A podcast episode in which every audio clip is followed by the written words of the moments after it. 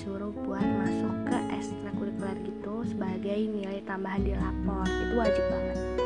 Nah biasanya kan ada demo ekskul kan? Nah setelah demo ekskul itu ada kakak-kakak perwakilan dari ekskul-ekskul gitu buat datengin ke kelas.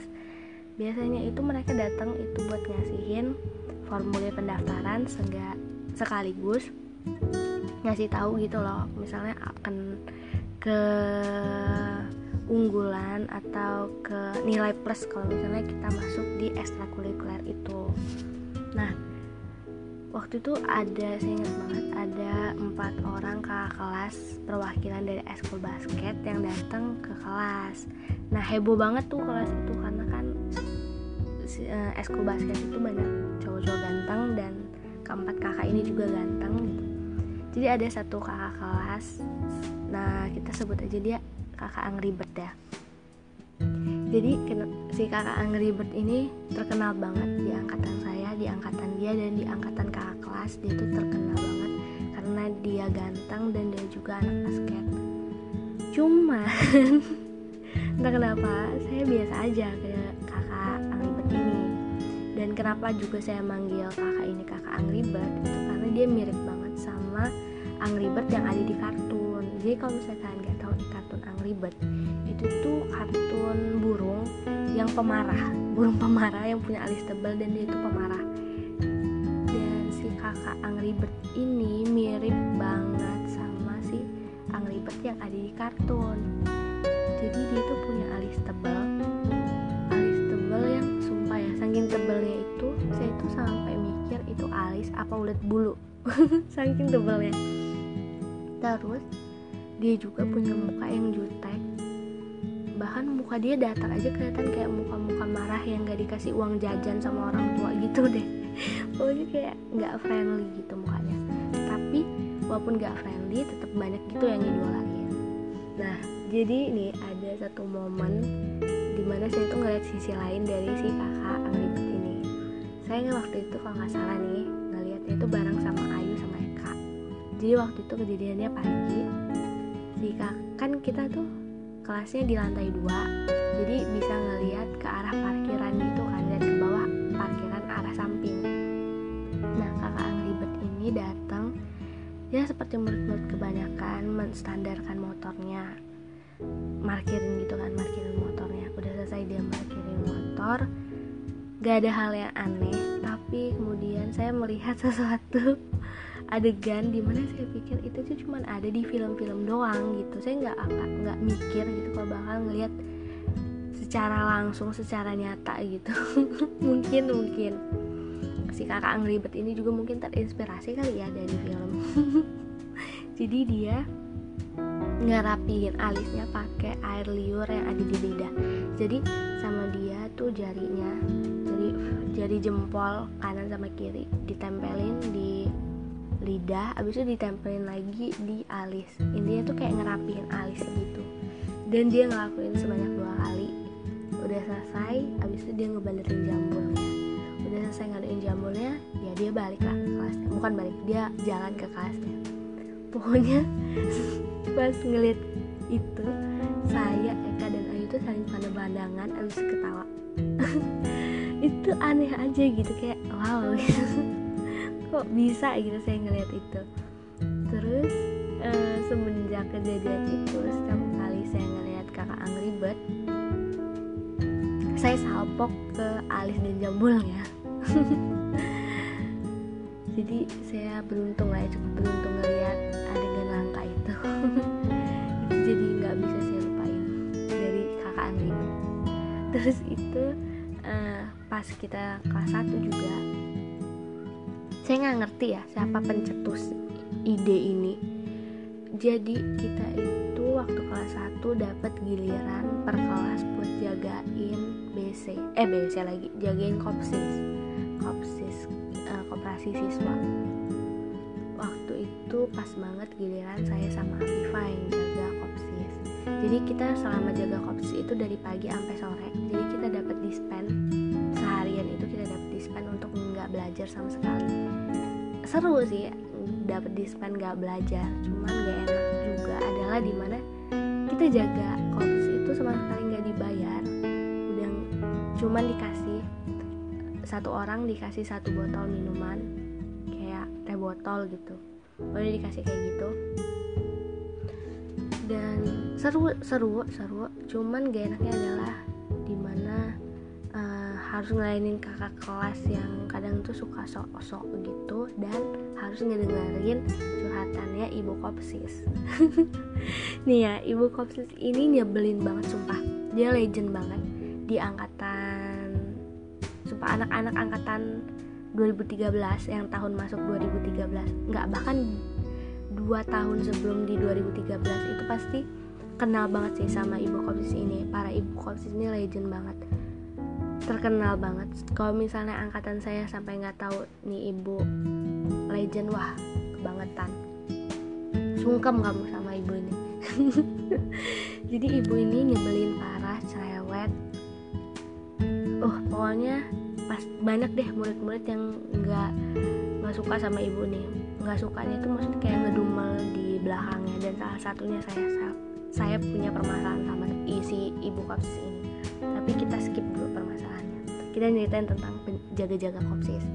Nah jadi pas jaga-jaga kopsis ini saya inget banget itu nggak tahu apakah teman-teman cowok di kelas saya itu mereka semua sudah berdiskusi untuk merencanakan hal ini atau emang sejalan itu pemikiran mereka? Entah sih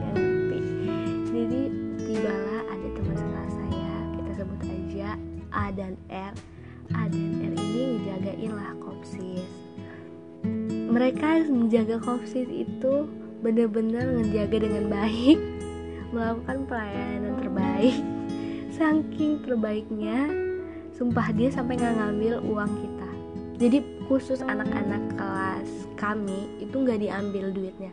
Jadi si ibu kopsis ini dia itu nggak ngemantau si yang jaga yang apa piket ngejaga kopsis dia nggak mantau. Jadi kalau misalnya ada murid yang ngejagain kopsis biasanya dia istirahat kayak istirahat gitu di pojokan gitu. Kalau udah rame banget baru dia bantuin. Jadi dia nggak tahu nih kelakuan kelakuan kelakuan licik ini dia nggak tahu. Sumpah ini nggak baik untuk ditiru nggak boleh ditiru ya. Cuman ini saya ceritain aja. Jadi si A dan R ini memberikan pelayanan super duper baik banget. Jadi kita beli fresh tea gitu. Fresh tea satu botol tuh 5000 ya harusnya 5000 itu cuma dapat satu tapi 5000 bisa dikasih tiga. Bahkan bisa juga dikasih barangnya tapi duitnya nggak diambil. Segitunya segitu perlakuan baiknya mereka. Segitunya sumpah. Beli permen milk kita tiga bisa dikasih lima.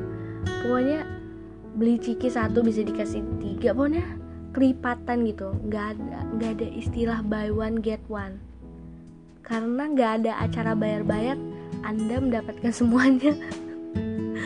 Sumpah ya semboyannya mereka adalah waktunya kita menjajah kopsis waktunya kita membalas dendam ke ibu kopsis. Jadi gitu. Saya nggak tahu sih ini ini sumpah ini nggak boleh ditiru ya. Dan kenapa seperti yang saya bilang di awal kenapa banyak banget murid yang kesal sama si ibu kopsis ini? Karena ibu kopsis orangnya itu cewek dan pelupa mampus pelupa mampus. Jadi uh, kan kita itu di kopsis itu kita ngambil LKS juga nih. Nah satu mat satu mata pelajaran satu LKS jadi misalnya kita ada 12 mata pelajaran berarti dapat 12 LKS harga satu LKS itu variat variasi gitu loh sesuai. Misalnya ada yang 12 ribu ada yang 12 setengah ada yang 13 ribu. Jadi pokoknya bervariasi itu harga satu LKS nah waktu itu saya ingat banget saya itu ngambil 12 LKS udah bayar 6 6 nya lagi itu belum bayar tapi minggu depan. Pas minggu depan ya saya bayar kan udah lunas tuh harusnya tapi tiba-tiba nama saya dipanggil lagi.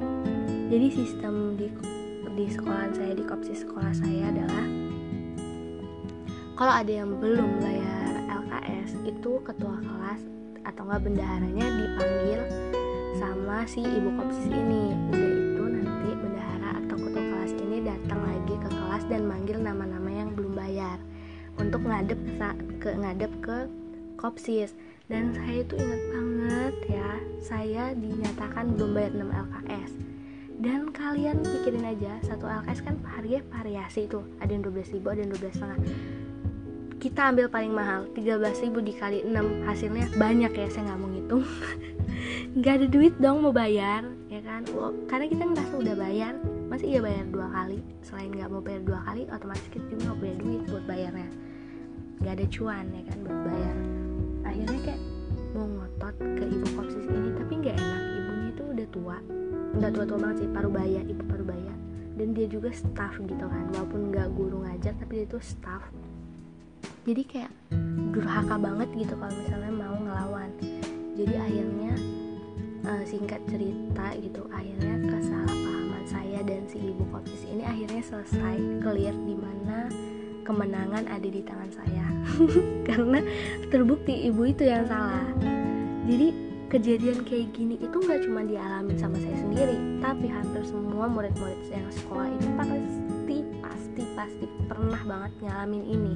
Ngalamin kesalahpahaman ini sama si ibu kopsis ibu kopsisnya itu ngotot gitu loh. Kan kita mau ngotot balik juga kadang nggak enak kan. Namanya juga masih murid apalagi murid baru kan. Dan itu nggak sekali dua kali kejadian kayak gitu. Misalnya pas kelas 1 udah kejadian kelas 2 bisa terulang lagi. Pokoknya aneh deh ibu ini. Dan selain keanehan cerewet dan lupa ibu ini juga ngejual makanan di kopsis dengan harga yang mahal. Sumpah mahal banget. Sampai kayak si ibu ini kayak pengen naik aji gitu ya Allah. Mungkin dia ter mungkin si ibu kopsis ini terinspirasi dari tukang bubur naik haji ya kan? Akhirnya dia terinspirasi untuk menjadi ibu kopsis naik haji ya. Nggak ngerti kenapa kenapa mahal banget makanan makanannya jadi ini aqua. Mm, nggak nggak. Mereknya bukan aqua ya jadi tapi kita nyebutnya aqua. Jadi aqua itu dihargain satunya seribu dong mahal banget. Sedangkan di BC mm, ya BC jadi kantin di sekolah saya itu ada dua. Satunya itu kopsis yang kedua itu BC BC itu ada di koridor paling depan. BC ini uh, kantin paling besar karena dia banyak penjual-penjualnya gitu nah di BC itu harga minuman harga aqua itu dijual 500an satunya. Pada zaman itu masih murah ya aqua. Kok sekarang emang udah mahal kan 1000 juga sekarang. Nah waktu itu mahal dong satu seribu nah sedangkan di BC 500 jadi kita itu dia kayak punya pikiran mending lu jalan dikit deh ke koridor depan tapi seribu lu bisa dapat dua minum. Daripada ke BC cuma dapat satu nah alhasil karena banyak murid yang punya pemikiran kayak gitu otomatis si kopsis ini jadi sepi. Nah jadi setiap kali orang-orang yang beli di kopsis si ibu kopsis ini curhat. Udah dia curhat abis itu dia marah-marah ke BC marah-marah gitu. Ini sumpah ini nggak banyak yang tahu kisah si ibu kopsis ini marah. Ibu kopis ini bener deh terus dia marah dia kayak marah-marah gitu kayak mengeluarkan aspirasinya ke si staff di BC nah mungkin akhirnya nggak tahu ya mungkin mereka berdiskusi hingga hasil akhirnya BC pun ikut menaikkan harga aqua. Uh, cuman bedanya kalau di kopsis itu beli dua tetap 2000 gitu. 2000 tetap dapat dua tapi kalau di BC 2000 dapat tiga. Itu sih bedanya. Nggak ngerti ya di ibu kosis sampai sekarang masih ada apa enggak soalnya begitu udah lulus udah nggak pernah ke sekolahan lagi gitu ya. Jadi nggak tahu kabar si ibu kosis ini apa masih ada. Sumpah kalau misalnya masih ada wow legend banget. Pengen banget saya saliman sama ibu itu sambil bilang terima kasih bu untuk tiga tahun yang super super super nyebelin. Parah. Sumpah ngeselin. Soalnya saya nggak cuma sekali dipanggil itu hampir hampir setiap semester dipanggil kayaknya. Supaya ibu itu pelupa oke kita skip soal tentang kopsis. Nah kita ke masalah oh jadi ada jadi waktu kelas satu itu tuh kita ada acara hiking. Um, waktu kelas satu tuh biasanya tuh ada persami tapi pas uh, angkatan saya Sam itu nggak ada.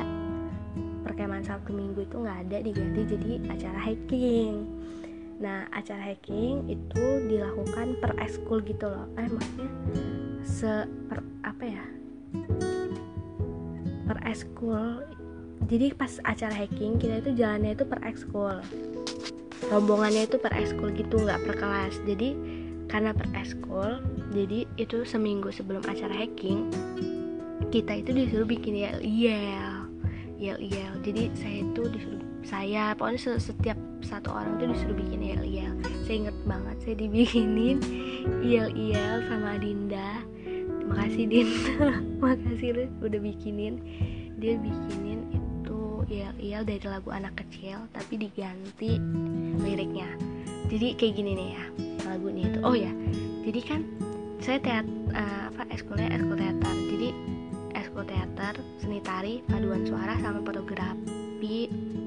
Itu dijadiin satu circle kesenian. Pokoknya jadi yang olahraga dijadiin satu circle olahraga. Pokoknya kayak gitu deh. Olahraga futsal basket semua dijadiin satu. Pokoknya per circle gitu. Nah jadi saya dibikinin tuh lagu sama ya ya lagu tuh sama Adinda. Jadi sama dia dibikinin lagunya tuh kayak gini. Ada yang menari-nari ada yang bernyanyi-nyanyi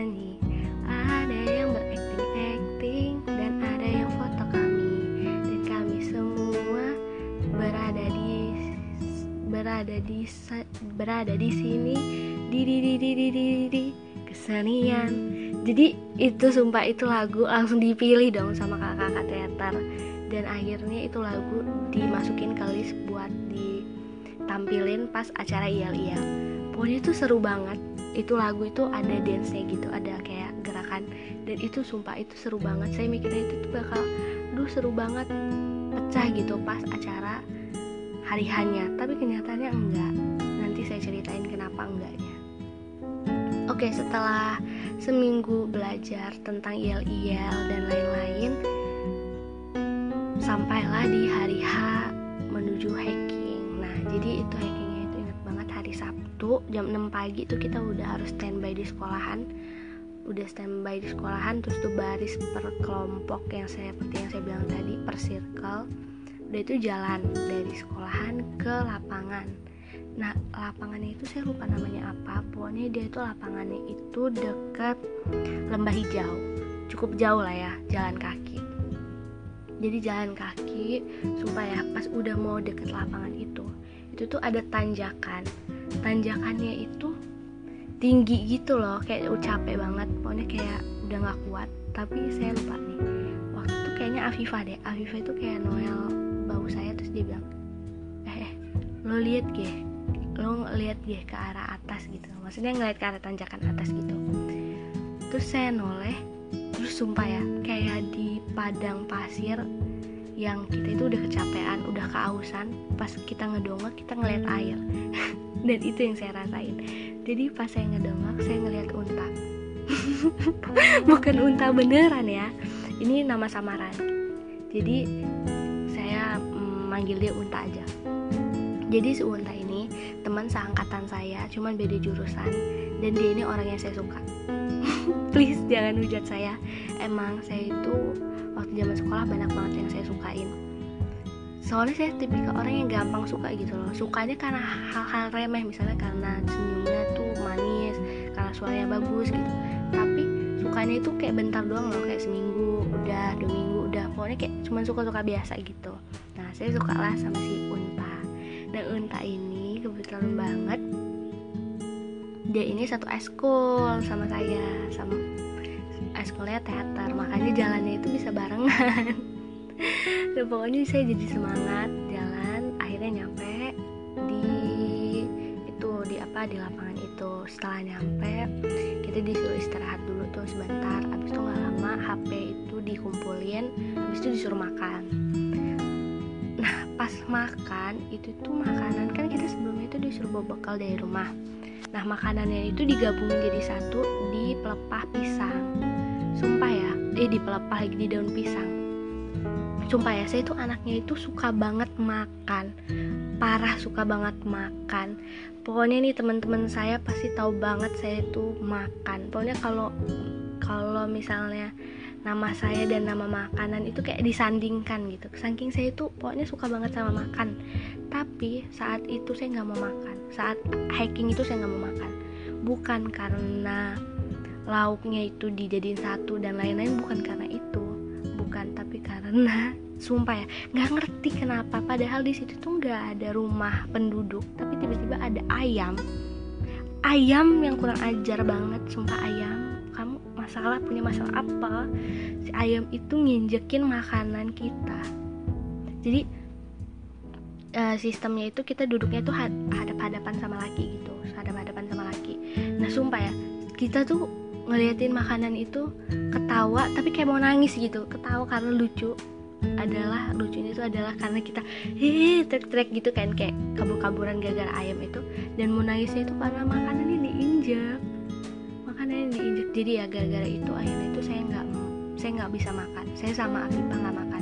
Cuman kayak ngambil mie nya pokoknya kayak nginget aja gitu daerah mana yang nggak diinjak sama ayam itu. Jadi kayak makannya dikit sumpah untuk pertama kalinya saya nggak mau makan. Wah ayam kamu hebat juga loh bisa bikin saya diet tapi gara-gara itu gara-gara nggak makan pas adegan penyiksaan saya lemah tak berdaya Kenapa saya bilang adegan penyiksaan? Jadi setelah acara makan, kita itu disuruh turun ke bawah. Itu tuh ke bawah itu kayak bukit-bukit gitu loh. Jadi kayak turunan itu turunan banget. Jalanannya itu penuh batu kerikil. Habis itu turunan banget. Nah, tapi pas adegan turun-turunan itu seru banget soalnya kayak bisa ngesot-ngesot gitu loh. Kan seru kan ngesot-ngesot gitu. Nah, pas turun ke bawah itu kita dibagi lagi uh, misalnya lima dari teater lima dari rohis pokoknya di diacak gitulah per eskulnya nah saya kepencar tuh sama Afifah nggak satu kelompok tapi saya satu kelompok jadi pas turun ke bawah itu saya barengan sama Eka dan teman-teman rombongan lain yang kelompok satu kelompok. Pas turun itu seru banget. Kan pegangan tuh turunnya. Pegangan terus serut meluncur-meluncur pokoknya tuh senang gitu. Kayak bahagia gitu tanpa tahu bahwa kami itu akan menuju pos-pos yang menyebalkan sumpah. Kan banyak pos. Kalau pos yang di yang ngejaganya itu guru itu enak. Karena kita cuma disuruh baca yasin disuruh nyanyi lagu Indonesia Raya. Pokoknya hal-hal yang masih masuk akal buat dilakuin. Ada tiga pos yang paling saya ingat. Karena pos ini pos yang paling dekatan dan pos yang ngajak ribut. Supaya di orang ini pos-pos udah mau menuju akhir tapi super nyebelin. Jadi pos di pos di kali pos di kali itu kita itu disuruh jalan di air kali itu disuruh jalan abis itu pas udah nyampe di pos kita disuruh uh, ngelakuin permainan. Jadi ada permainan di mana kita tuh ngitung dari 1 sampai 10 tapi nggak boleh nyebutin angka ganjil. Jadi langsung 2, 4, 6, 8 pokoknya ngulang-ngulang gitu per kelompok. Kalau misalnya ada yang salah kita tuh disuruh kayak nenggelemi diri kita. Maksudnya kayak ngebasahin diri kita di kali itu. Jadi bener-bener harus basah. Dan itu sumpah itu ngeselin banget terus apa namanya udah selesai di pos kali itu kita masuk ke pos lumpur. Sumpah itu ngeselin banget pos pos lumpur ini nggak kalah ngeselin daripada pos si kali. Tapi temen saya Adinda dia seneng banget sama pos ini. Karena yang jaganya itu kakak kelas ini kakak kelas kelas 3 kakak kelas 3 yang disukain sama Adinda. Kita sebut aja kakak itu manis. Jadi si kakak itu manis ini yang jaga pos itu. Kan dari pos kali ke pos lumpur itu kayak tinggi gitu. Jadi kita dibantuin gitu loh buat naik. Nah yang ngebantuin itu sih kakak manis. Jadi tangan kita kayak dibantuin gitu loh. Jadi kayak kita sehadap hadapan kayak deket gitu sama si kakak manis ini jadi harusnya si Adinda suka bahagia gitu. Cuman saya baru tahu nggak baru tahu sih cuman pada saat setelah hiking saya dikasih tahu tuh sama Adinda kalau misalnya dia justru nggak berani si kakak itu manis ini. Sumpah ya sering banget gak sih kejadian kayak gitu? Kita kalau suka sama orang kita tuh malah nggak berani ngelihat mukanya gitu loh. Kadang kan kita berani tapi kayak kayak ngalihin mata kita ke mana gitu. Pokoknya gitu-gitu deh. Nah Adinda jadi si Adinda itu intinya seneng bisa di pos itu cuman ya gitu dia tidak memaksimalkan waktunya dengan baik. Nah singkat cerita si kakak temannya sini kan orangnya baik ya terkenal baik cuman saat dia jaga pos itu dia ngeselin banget. Supaya itu kayaknya itu udah sengaja banget itu tanah bener-bener dianuin bener-bener sebecek itu selumpur itu. Jadi kita dikasih pertanyaan udah selesai dikasih pertanyaan kita disuruh guling-gulingan di lumpur itu sebanyak tiga kali. Bukan guling-gulingan biasa tapi guling-gulingan bener-bener gulingan gitu loh. Jadi kalau kalau pakai jilbab bener-bener jilbabnya itu harus kena ke lumpurnya. Pokoknya baju kita bener-bener harus kena ke lumpurnya. Dan lo bayangin dan kalian bayangin baju kita kan itu pakai baju pramuka. Baju pramuka kita itu udah basah kuyup kena air itu berat ya berat ya. Abis itu kena lumpur makin berat kan. Udah itu di pos paling terakhir itu itu pos di mana kita dia disuruh jalan kodok abis itu ngelompat. Jadi jalan kodok tiga kali ngelompat jalan kodok tiga kali ngelompat. Pokoknya selama jalan dari si lumpur itu ke si pos itu harus kayak gitu. Ya ampun bayangkan bayangkan lagi. Saya itu keadaannya itu nggak makan kan tadi belum makan capek kehausan pusing. Jadi setelah di pos itu saya itu langsung jadi pendiam gitu loh sumpah ya. Seper, uh, kan tadi saya bilang pas turun itu seru abis pas naik itu nangis mampus. Nangis mampus nangis mampus. Kenapa nangis mampus? Karena saya bener-bener nangis. Sepanjang naik balik lagi ke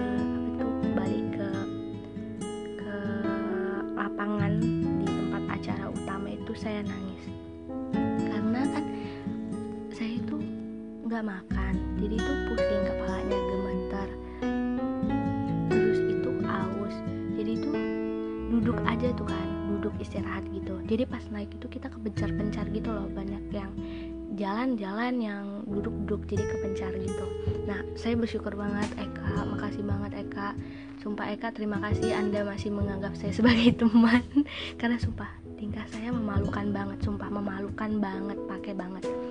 Jadi kan itu saya diem doang tuh ya. Saya bukan jadi intan hmm.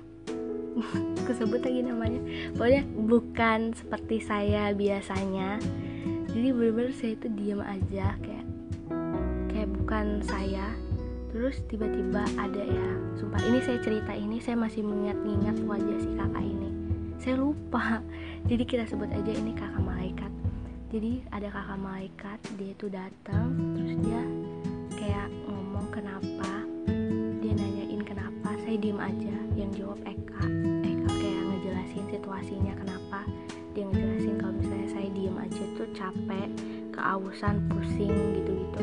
Jadi si kakaknya itu kayak ngedeketin mukanya itu ngelihat ke arah saya. Sambil dia ngomong mungkin dia tuh ngeliat. Jadi saya tuh udah nahan-nahan nangis gitu loh. Nah si mungkin si kakak malaikat ini tahu kalau saya nangis jadi dia tuh ngomong jangan nangis jangan nangis ya dek. Seperti yang bisa kalian tebak kalau cewek dibilangin jangan nangis justru sebaliknya kan? Ya saya jadinya nangis kejar. Parah saya nangis banget pas dia ngomong jangan nangis saya nangis senangis nangisnya terus kakak itu bingung seiring kakak itu bingung dan seiring kakak itu ngomong jangan udah berhenti nangisnya. Maka seiring juga saya bertambah. Nangis itu malah makin nambah. Bener-bener nangis banget nangis banget. Jadi si kakak itu bingung Eka bingung. Terus nggak lama kemudian ada kak eh, ada kakak lagi ada ibu. Kita sebut aja ibu malaikat dua. Jadi ibu malaikat dua ini datang ngeliat saya. Akhirnya dia ngasih saya kayu putih. Eh enggak enggak bukan kayu putih. nggak bisa soalnya nyium kayu putih. Dan beruntung ibu tuh kayaknya nggak bawa enggak enggak iya ibu tuh nggak bawa minyak kayu putih soalnya. Kalau dia bawa kayu putih pasti saya tolak. Soalnya saya nggak bisa nyium bau kayu putih loh. Kalau nyium bau kayu putih saya nggak bisa nafas kalau nggak saya ibu tuh press care deh. Ibu tuh ngasih press care habis itu dia olesin di dahi saya habis itu saya dikasih minum habis itu diajakin bercanda sama kakak malaikat tuh biar nggak nangis pokoknya kayak baik gitulah kakak malaikat dan ibu malaikat dua ini. Kayak nungguin. Terus pas saya udah ngerasa agak mendingan saya tapi masih tetap pengen duduk tapi saya nyuruh. Akhirnya saya bilang ke ibu malaikat dua sama si kakak malaikat buat nggak apa-apa terusin aja kalian perjalanannya nanti saya nyusulin lagi. Akhirnya ya udahlah. Akhirnya si kakak malaikat dan si ibu malaikat duanya akhirnya jalan duluan. Pokoknya akhirnya sumpah akhirnya saya berhasil sampai kembali ke lapangan dengan selamat sentosa setengah pingsan setengah kayak mau pingsan pokoknya itu tuh bener deh bener-bener kalau misalnya saya nggak dibantuin sama kakak malaikat dan ibu malaikat mungkin saya pingsan. Soalnya bener deh bener-bener udah nggak kuat lagi gitu. Kayak aduh pokoknya lemes gitu lah nah akhirnya nyampe udah nyampe tuh kembali lagi kan pas udah nyampe itu kita disuruh bersih-bersih ganti baju ganti baju olahraga. Saya lupa kenapa ceritanya tiba-tiba pas di kamar mandi saya nggak bareng sama Eka malah bareng sama Apipah jadi di satu toilet itu di, harus diisi empat orang. Saya Apipah sama dua orang teman saya yang lain. Itu kita disuruh buru-buru. Padahal baru masuk tapi udah digedor-gedor. Digedor-gedor disuruh keluar sampai dibilangin kalau nggak keluar kalau kalian keluar langsung disebor kalau misalnya kelamaan pokoknya sumpah ya itu tuh berasa kayak di militer tau gak sih? Bener-bener kayak bukan lagi acara bahagia-bahagia seneng-seneng heaven gitu. Enggak tapi berasa kayak acara militer. Kayak berasa kita tuh abdi negara yang lagi dikejar-kejar sama pasukan bala tempur. Apa pokoknya gila sih parah kalau diinget-inget seru cuman ngeselin juga sih. Terus tuh kayak digedor-gedor nah dalam keadaan buru-buru itu kita diseret. Kayak nggak diseret maksudnya ditarik langsung ke lapangan utama. Nah karena ditarik-tarik kayak gitu jilbab saya itu jatuh basah dan nggak sempat saya pakai. Saya sumpah ya itu sumpah. Jadi saya itu pertama kali masuk sekolah SMA itu masih belum pakai jilbab. Tapi udah berapa bulan kemudian saya baru pakai jilbab. Nah terus itu uh, saya untuk pertama kalinya setelah pakai jilbab itu saya nggak pakai jilbab tuh rasanya sumpah nggak enak banget berasa kayak nggak pakai baju. Jadi saya inget banget saya tuh lem, lemes banget lemes pusing terus itu kesel karena nggak pakai jilbab dan udah disuruh tampil buat nyanyi iel iel itulah kenapa yang tadi saya bilang yang awalnya saya pikir pertunjukan iel iel itu bakal seru abis bakal pecah parah gitu kan kenyataannya justru malah nggak seru karena saya ngerasa karena nggak pakai jilbab itu saya ngerasa aneh banget sumpah. Apipah itu hampir juga dia nggak pakai jilbab karena dia kehilangan manset tapi untungnya mansetnya itu saya temuin. Jadi akhirnya dia langsung cepet-cepet pakai manset dan pakai jilbab. Untungnya Apipah sempat pakai jilbab. Kalau saya nggak sempat dan itu sumpah sepanjang acara nunjukin iel-iel itu saya benar-benar kayak nggak bersemangat Nah setelah selesai nganuin iel-iel Barulah saya langsung cari jilbab saya. Kan jilbabnya itu basah sama saya Langsung aja saya basahin aja sekalian Habis itu saya peres baru saya pakai. Nah setelah sudah saya pakai Baru saya menjadi saya kembali Walaupun belum makan dan masih pusing Tapi saya kayak udah semangat lagi gitu. Jadi acaranya dilanjutin kayak acara bebas gitu Kayak seru-seruan. Dan itu seru sih seru supaya jadi ada cerita ya. Kalau misalnya saya nggak ikut hiking mungkin nggak akan ada cerita ini. Nah terus setelah selesai acara kan kita itu boleh dijemput sama orang tua. Nah kalau supaya ini saya ketawa karena udah ngebayangin. Jadi kalau yang nggak dijemput itu jalan kaki balik lagi ke sekolahan. Nah Ayu ini saya tahu cerita ini karena diceritain ya jadi Ayu sama si Eka itu nggak dijemput. Alhasil mereka berdua itu jalan kaki lagi buat balik ke sekolahan. Tapi jalannya itu nggak berdua ya karena banyak anak-anak murid yang nggak dijemput juga. Jadi jalannya tetap ramean dan tetap didampingin sama guru. Nah si Eka ini bawa tiker. Dia ini disuruh gitu sama kakak Rohis disuruh disuruh buat bawa tiker gitu. Nah kan dia ngenenteng tiker jalan bareng sama Ayu terus di samping itu ada guru. Nah gurunya itu ngeberhentiin kakak kelas. Kita sebut aja kakak Scoopy. Jadi si kakak Scoopy itu diberhentiin sama si guru ini disuruh buat ngegoncengin antara Ayu sama Eka. Tapi Ayu sama Eka ini nggak enak dong kalau misalnya salah satu yang naik. Sedangkan salah satunya enggak akhirnya ditolak tuh. Nah karena ditolak karena si ibu ini udah terlanjur ngeberhentiin si kakak Scoopy ya ampun mau ceritanya saya ketawa loh karena ngebayangin aja saya udah ketawa. Jadi jadi pas udah dek udah itu akhirnya si ibu ini akhirnya nyuruh si kakak Scoopy ini bawain uh, tikernya si Eka. Jadi kakak Scoopy itu bawain lah tikernya si Eka udah itu besoknya si Eka itu nyariin tikernya ya kan? Di kan itu kayak udah dibilangin kalau misalnya barang-barangnya itu bakal ditinggalin di gudang gudang bagian olahraga gitu loh tempat-tempat barang penyimpanan basket bola basket bola futsal gitu. Besoknya pas dicari nggak ada di situ. Nah Eka itu mau nanya ke kakak Scoopy tapi nggak enak gitu loh kayak malu dan dia cerita ke kami.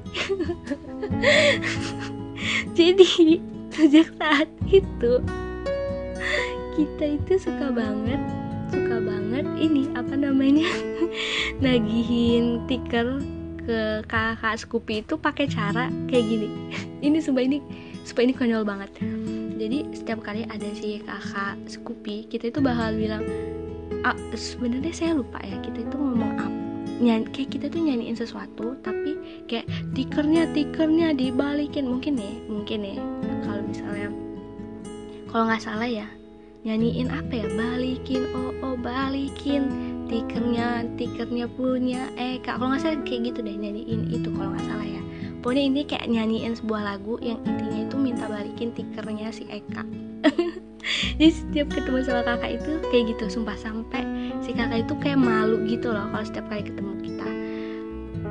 Dan mungkin ya mungkin si kakak ini ini nggak tahu juga tikernya di mana gitu. Jadi pokoknya ya setiap kali ketemu sama kakak itu intinya kita itu di apa namanya di setiap ketemu kakak itu setiap kami ketemu sama kakak Scoopy itu kakak Scoopy itu kayak ngindar dan dia malu sumpah ya saking saking kreatifnya kita. Kita itu sampai bikin surat. Jadi si kakak ini awalnya itu pakai motor yang kayak motor udah motor lama gitu motor antik gitu. Kita nulis surat minta nanyain kak su kak kayak surat itu isinya intinya nanyain kak tikernya itu di mana ya? Tikernya Eka tuh di mana tiker yang waktu itu yang kakak bawain. Dan kita selipin di motornya nggak tahu deh dibaca apa nggak sama si kakak itu. Tapi seminggu kemudian apa sebulan kemudian kakak itu ganti motor yang tadinya motor antik ganti jadi motor Scoopy biru. Dan itu jumpa itu jadi bahan candaan kita rang. Kita tuh sampai bilang Eka jangan-jangan dia ganti motor itu hasil dari penjualan tiker lo. Sumpah itu nggak masuk akal tapi itu jadi bahan candaan yang sampai sekarang nggak pernah saya lupain. Jadi sumpah ya. Bahkan nih pas kakak itu lulus pas kakak itu lulus udah selesai UN kan kayak kita itu selalu ada kayak kelas meeting. Nah aja setiap selesai acara eh setiap berlangsungnya acara kelas meeting itu ada salam-salam gitu loh. Yang kita tulis kita kasih ke osis nanti sama anak osis dibacain sama MC-nya nah waktu itu saya inget banget. Jadi ada si kakak Scoopy itu lagi datang main ke sekolahan. Dia bener-bener dia belum bener-bener lulus. Maksudnya kayak udah selesai UN tapi masih masih kadang-kadang ke sekolahan. Nah dia datang ke sekolahan ingat banget saya.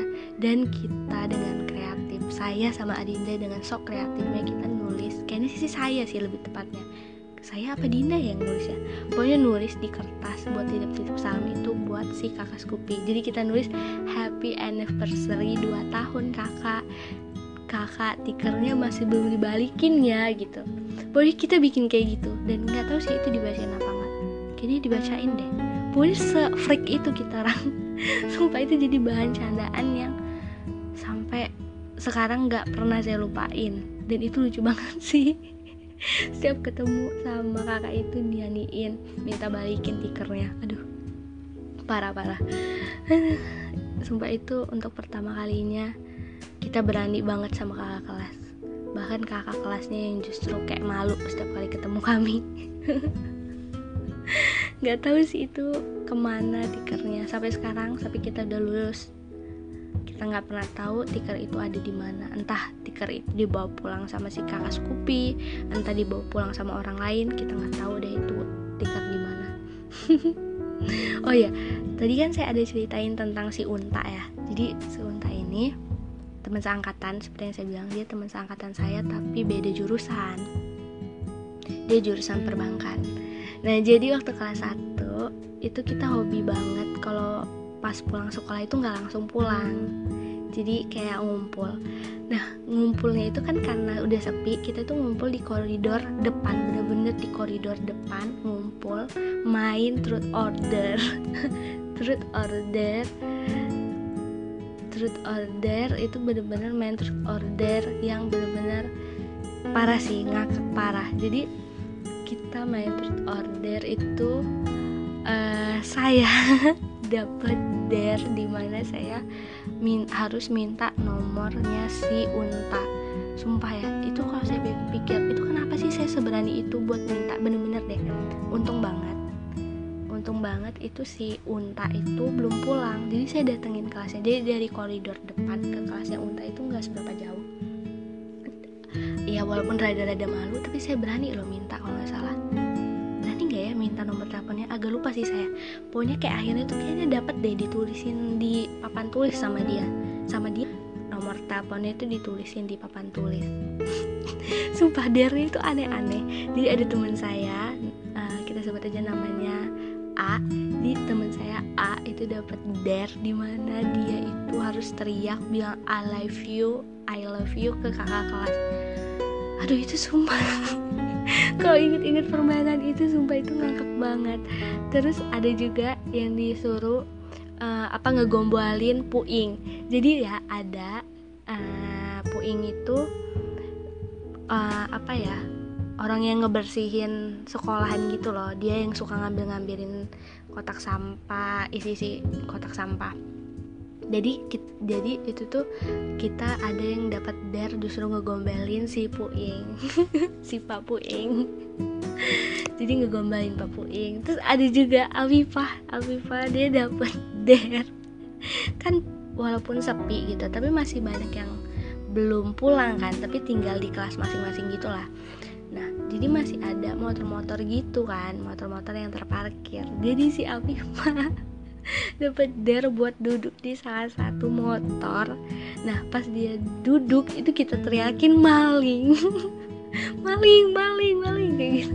Dan itu sumpah itu ngakak banget sih pecah banget pas saat itu. Itu bener-bener jadi apa ya jadi hal yang nggak bisa saya lupain. Sumpah seru banget kayak aduh kalau diinget-inget wah ternyata saya itu pernah ya ngalimin hal-hal kayak gitu. Asik banget sih sumpah. Itu seru banget gengs kira-kira kapan nih kita main truth or dare lagi? Seru nih. Kalau kita main yuk guys kita main truth or dare. Terus itu selain saya pernah mintain nomornya si Unta ada kejadian. Kalau kalian pernah dengar episode pertama Surpal saya ceritain teman saya si C cewek yang dia itu nyebelin banget. Waktu itu waktu itu ada teman saya yang ketahuan suka dan sama dia dikasih tahu. Dan saya pun akhirnya mendapatkan hal itu. Jadi saya nggak tahu gimana ceritanya. Teman saya si C ini lah kalau saya suka sama si Unta. Nah waktu itu ceritanya lagi istirahat. Pas lagi istirahat sekolah kelas lagi makan tiba-tiba itu kan ada anak perbankan lagi main tuh ke daerah akuntansi ke daerah kelas saya. Tiba-tiba gak tahu nggak ada angin gak ada hujan tiba-tiba sih teman saya si C ini narik-narik si unta dan sambil bilang unta unta ini nih si ngomongin saya ini nih orang yang suka sama lo gitu. Bener-bener ditarik untanya itu dan saya refleks sumpah. Malu banget ya Tuhan saya malu banget. Saya sampai nyumput di kolong meja. Sumpah saya malu banget sampai nyumput di kolong meja dan unta ini itu benar-benar ditarik sampai benar-benar harus ngeliat saya. Sumpah saya nggak tahu itu apakah unta ngeliat saya apa enggak. Pokoknya saya udah nggak berani gitulah saya nyumput nyumput malu gitu loh. Nah sejak kejadian itu saya langsung gak suka lagi sama si unta karena ya gimana ya emang karena saya pertama sukanya itu karena cuman dia itu karena mirip sama orang sama teman saya waktu zaman SMP nah itu itu kenapa akhirnya itu saya suka sama dia. Karena dia punya senyum yang sama dengan orang yang saya kenal waktu zaman SMP nah karena itulah pokoknya intinya itu saya suka sama dia. Nah begitu di apa ketahuan itu saya langsung kayak kayak malu gitu. Tapi anehnya semalu-malunya saya mungkin karena saya sukanya suka biasa muka saya tembok banget sumpah. Setelah kejadian itu setiap kali ketemu sama Unta saya biasa aja. Kayak tetap aja gitu kayak kayak santai aja. Bahkan kan seperti yang saya bilang saya satu satu eskul sama dia dan itu saya biasa aja kayak ya udah santai aja gitu. Kayak nggak ada masalah walaupun sebenarnya malu. Sumpah ya kalau dipikir-pikir malu. Bayangin dong ditarik-tarik sampai saya itu ngumpet di kolong meja. Ih sumpah nggak ada nggak ada bagus-bagusnya. Masih mending deh teman saya yang satunya cuman apa cuman mundur. Mundurnya apa harusnya jalan biasa tapi mundur. Daripada nyumput di kolong meja ya kan? Eh enggak apa sama sama sama aja lah intinya. Pokoknya si C teman saya si C ini aduh laknat sekali dia. Berkat dia itu rahasia-rahasia terbongkar. Oh terus oh ya sama ada satu teman saya satu angkatan. Sebut aja dia Arab sumpah ya saya pengen banget ketemu sama Arab. Saya pengen banget ketemu sama Arab sama teman saya yang satu ini sambil bilang sumpah Arab sumpah gue nggak maksud. Jadi ada satu kesalahpahaman yang terjadi antara saya sama Arab. Jadi Arab ini satu satu eskul juga sama saya. Dia eskul teater. Jadi kita itu dekat karena satu SMP terus dia juga suka komik Conan saya juga suka komik Conan. Jadi kayak suka sharing gitu komik Conan. Dan suka minjem minjeman gitu loh. Jadi ada waktu-waktu saya itu datang ke kelasnya. Kan kelasnya itu TKJ datang ke kelasnya buat ngambil itu komik. Habis itu mulangin komiknya lagi besoknya. Jadi pokoknya kayak gitulah ya. Sampai sewaktu-waktu itu pas pulang sekolah kan gedung akuntansi itu ada tengah-tengah penghubung sama gedung TKJ jadi waktu itu saya pernah nih pulangnya bareng bareng dan lewatlah gedung TKJ pas lewat gedung TKJ lewat kelasnya si Arab itu tiba-tiba ada yang teriak-teriak gitu loh kayak eh Arab Arab itu yang pakai jilbab ya pakai jilbab. Nah jadi teman-teman saya ini pada nyangkain kalau si Arab itu suka sama saya. Padahal sumpah sih saya rasa sih enggak. Tapi karena saya dibilang gitu saya tuh jadi akut gitu loh kalau ketemu sama si Arab. Ya Allah Arab lo dengerin ini. Sumpah gue pengen pengen bilang pengen minta maaf sama lo. Sumpah gue pengen minta maaf. Gue bener-bener gak maksud. Sumpah bener-bener gue gak maksud.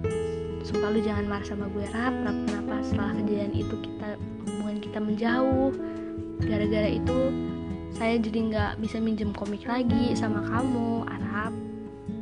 Jadi gara-gara kita balik lagi ya ke konteks awal jadi akut gitu loh sama si Arab. Nah waktu itu pernah gak ada mata pelajaran jam kosong mainlah ke perpustakaan sama Adinda sama Ayu sama Eka. Nah pas di perpustakaan itu kan lagi baca tiba-tiba Arab itu nyamperin saya. Jadi saya kalau ngomong ke Arab itu nggak gue lo loh tapi ngomongnya aku kamu. Jadi si Arab nih ngomong eh kamu udah baca udah tahu belum ada komik Conan edisi edisi berapa ya saya lupa. Itu baru terbit gitu. Terus saya bilang eh iya tak masa gitu. Masa sih? Saya nggak tahu loh kataku ngomong gitu kan. Terus katanya iya nanti pengen ke Gramet katanya dia pengen beli. Pokoknya udah selesai ngomong gitu dia pergi. Baru selangkah atau dua langkah kan karena awkward tuh.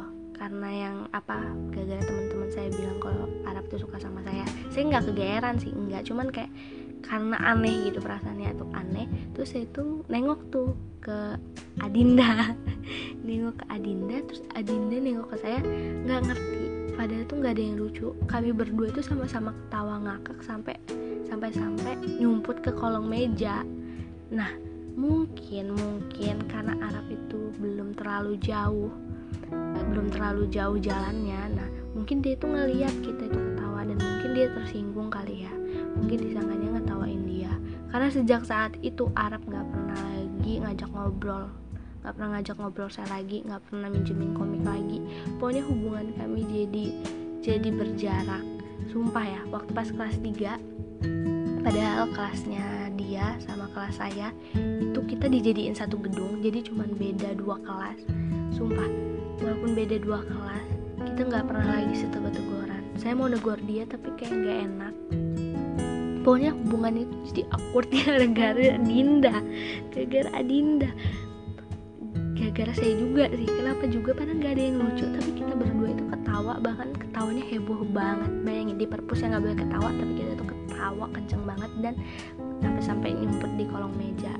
Sumpah mungkin Arab merasa tersinggung kali ya. Sumpah Arab kalau lo dengar podcast gue sumpah gue nggak eh sorry sorry kan gue ke Arab gak ngomong gue gue. Sumpah Arab kalau kamu dengar podcast aku dan kamu ngerasa ini cerita sama persis kayak yang kamu alamin sumpah Arab saya nggak ada maksud nggak ada maksud buat bikin kamu tersinggung nggak ada sama sekali. Viewer saya sama Adinda itu ketawa entah karena apa bukan ngertawain kamu terus saya meminta maaf dan saya pengen banget menjalin hubungan pertemanan lagi sama kamu. Soalnya kalau temenan sama kamu tuh lumayan saya bisa minjem komik Conan aduh sumpah. Harap sumpah harap kita berteman lagi ya. Udah deh sekian deh podcast saya. Soalnya ini udah di 51 menit udah lumayan lama podcastnya. Durasinya udah lama dan ini sumpah ini pasti ceritanya absurd banget nggak penting gadget tapi semoga kalian merasa terhibur dengan cerita ini ya. Oke okay, see you bye bye selamat malam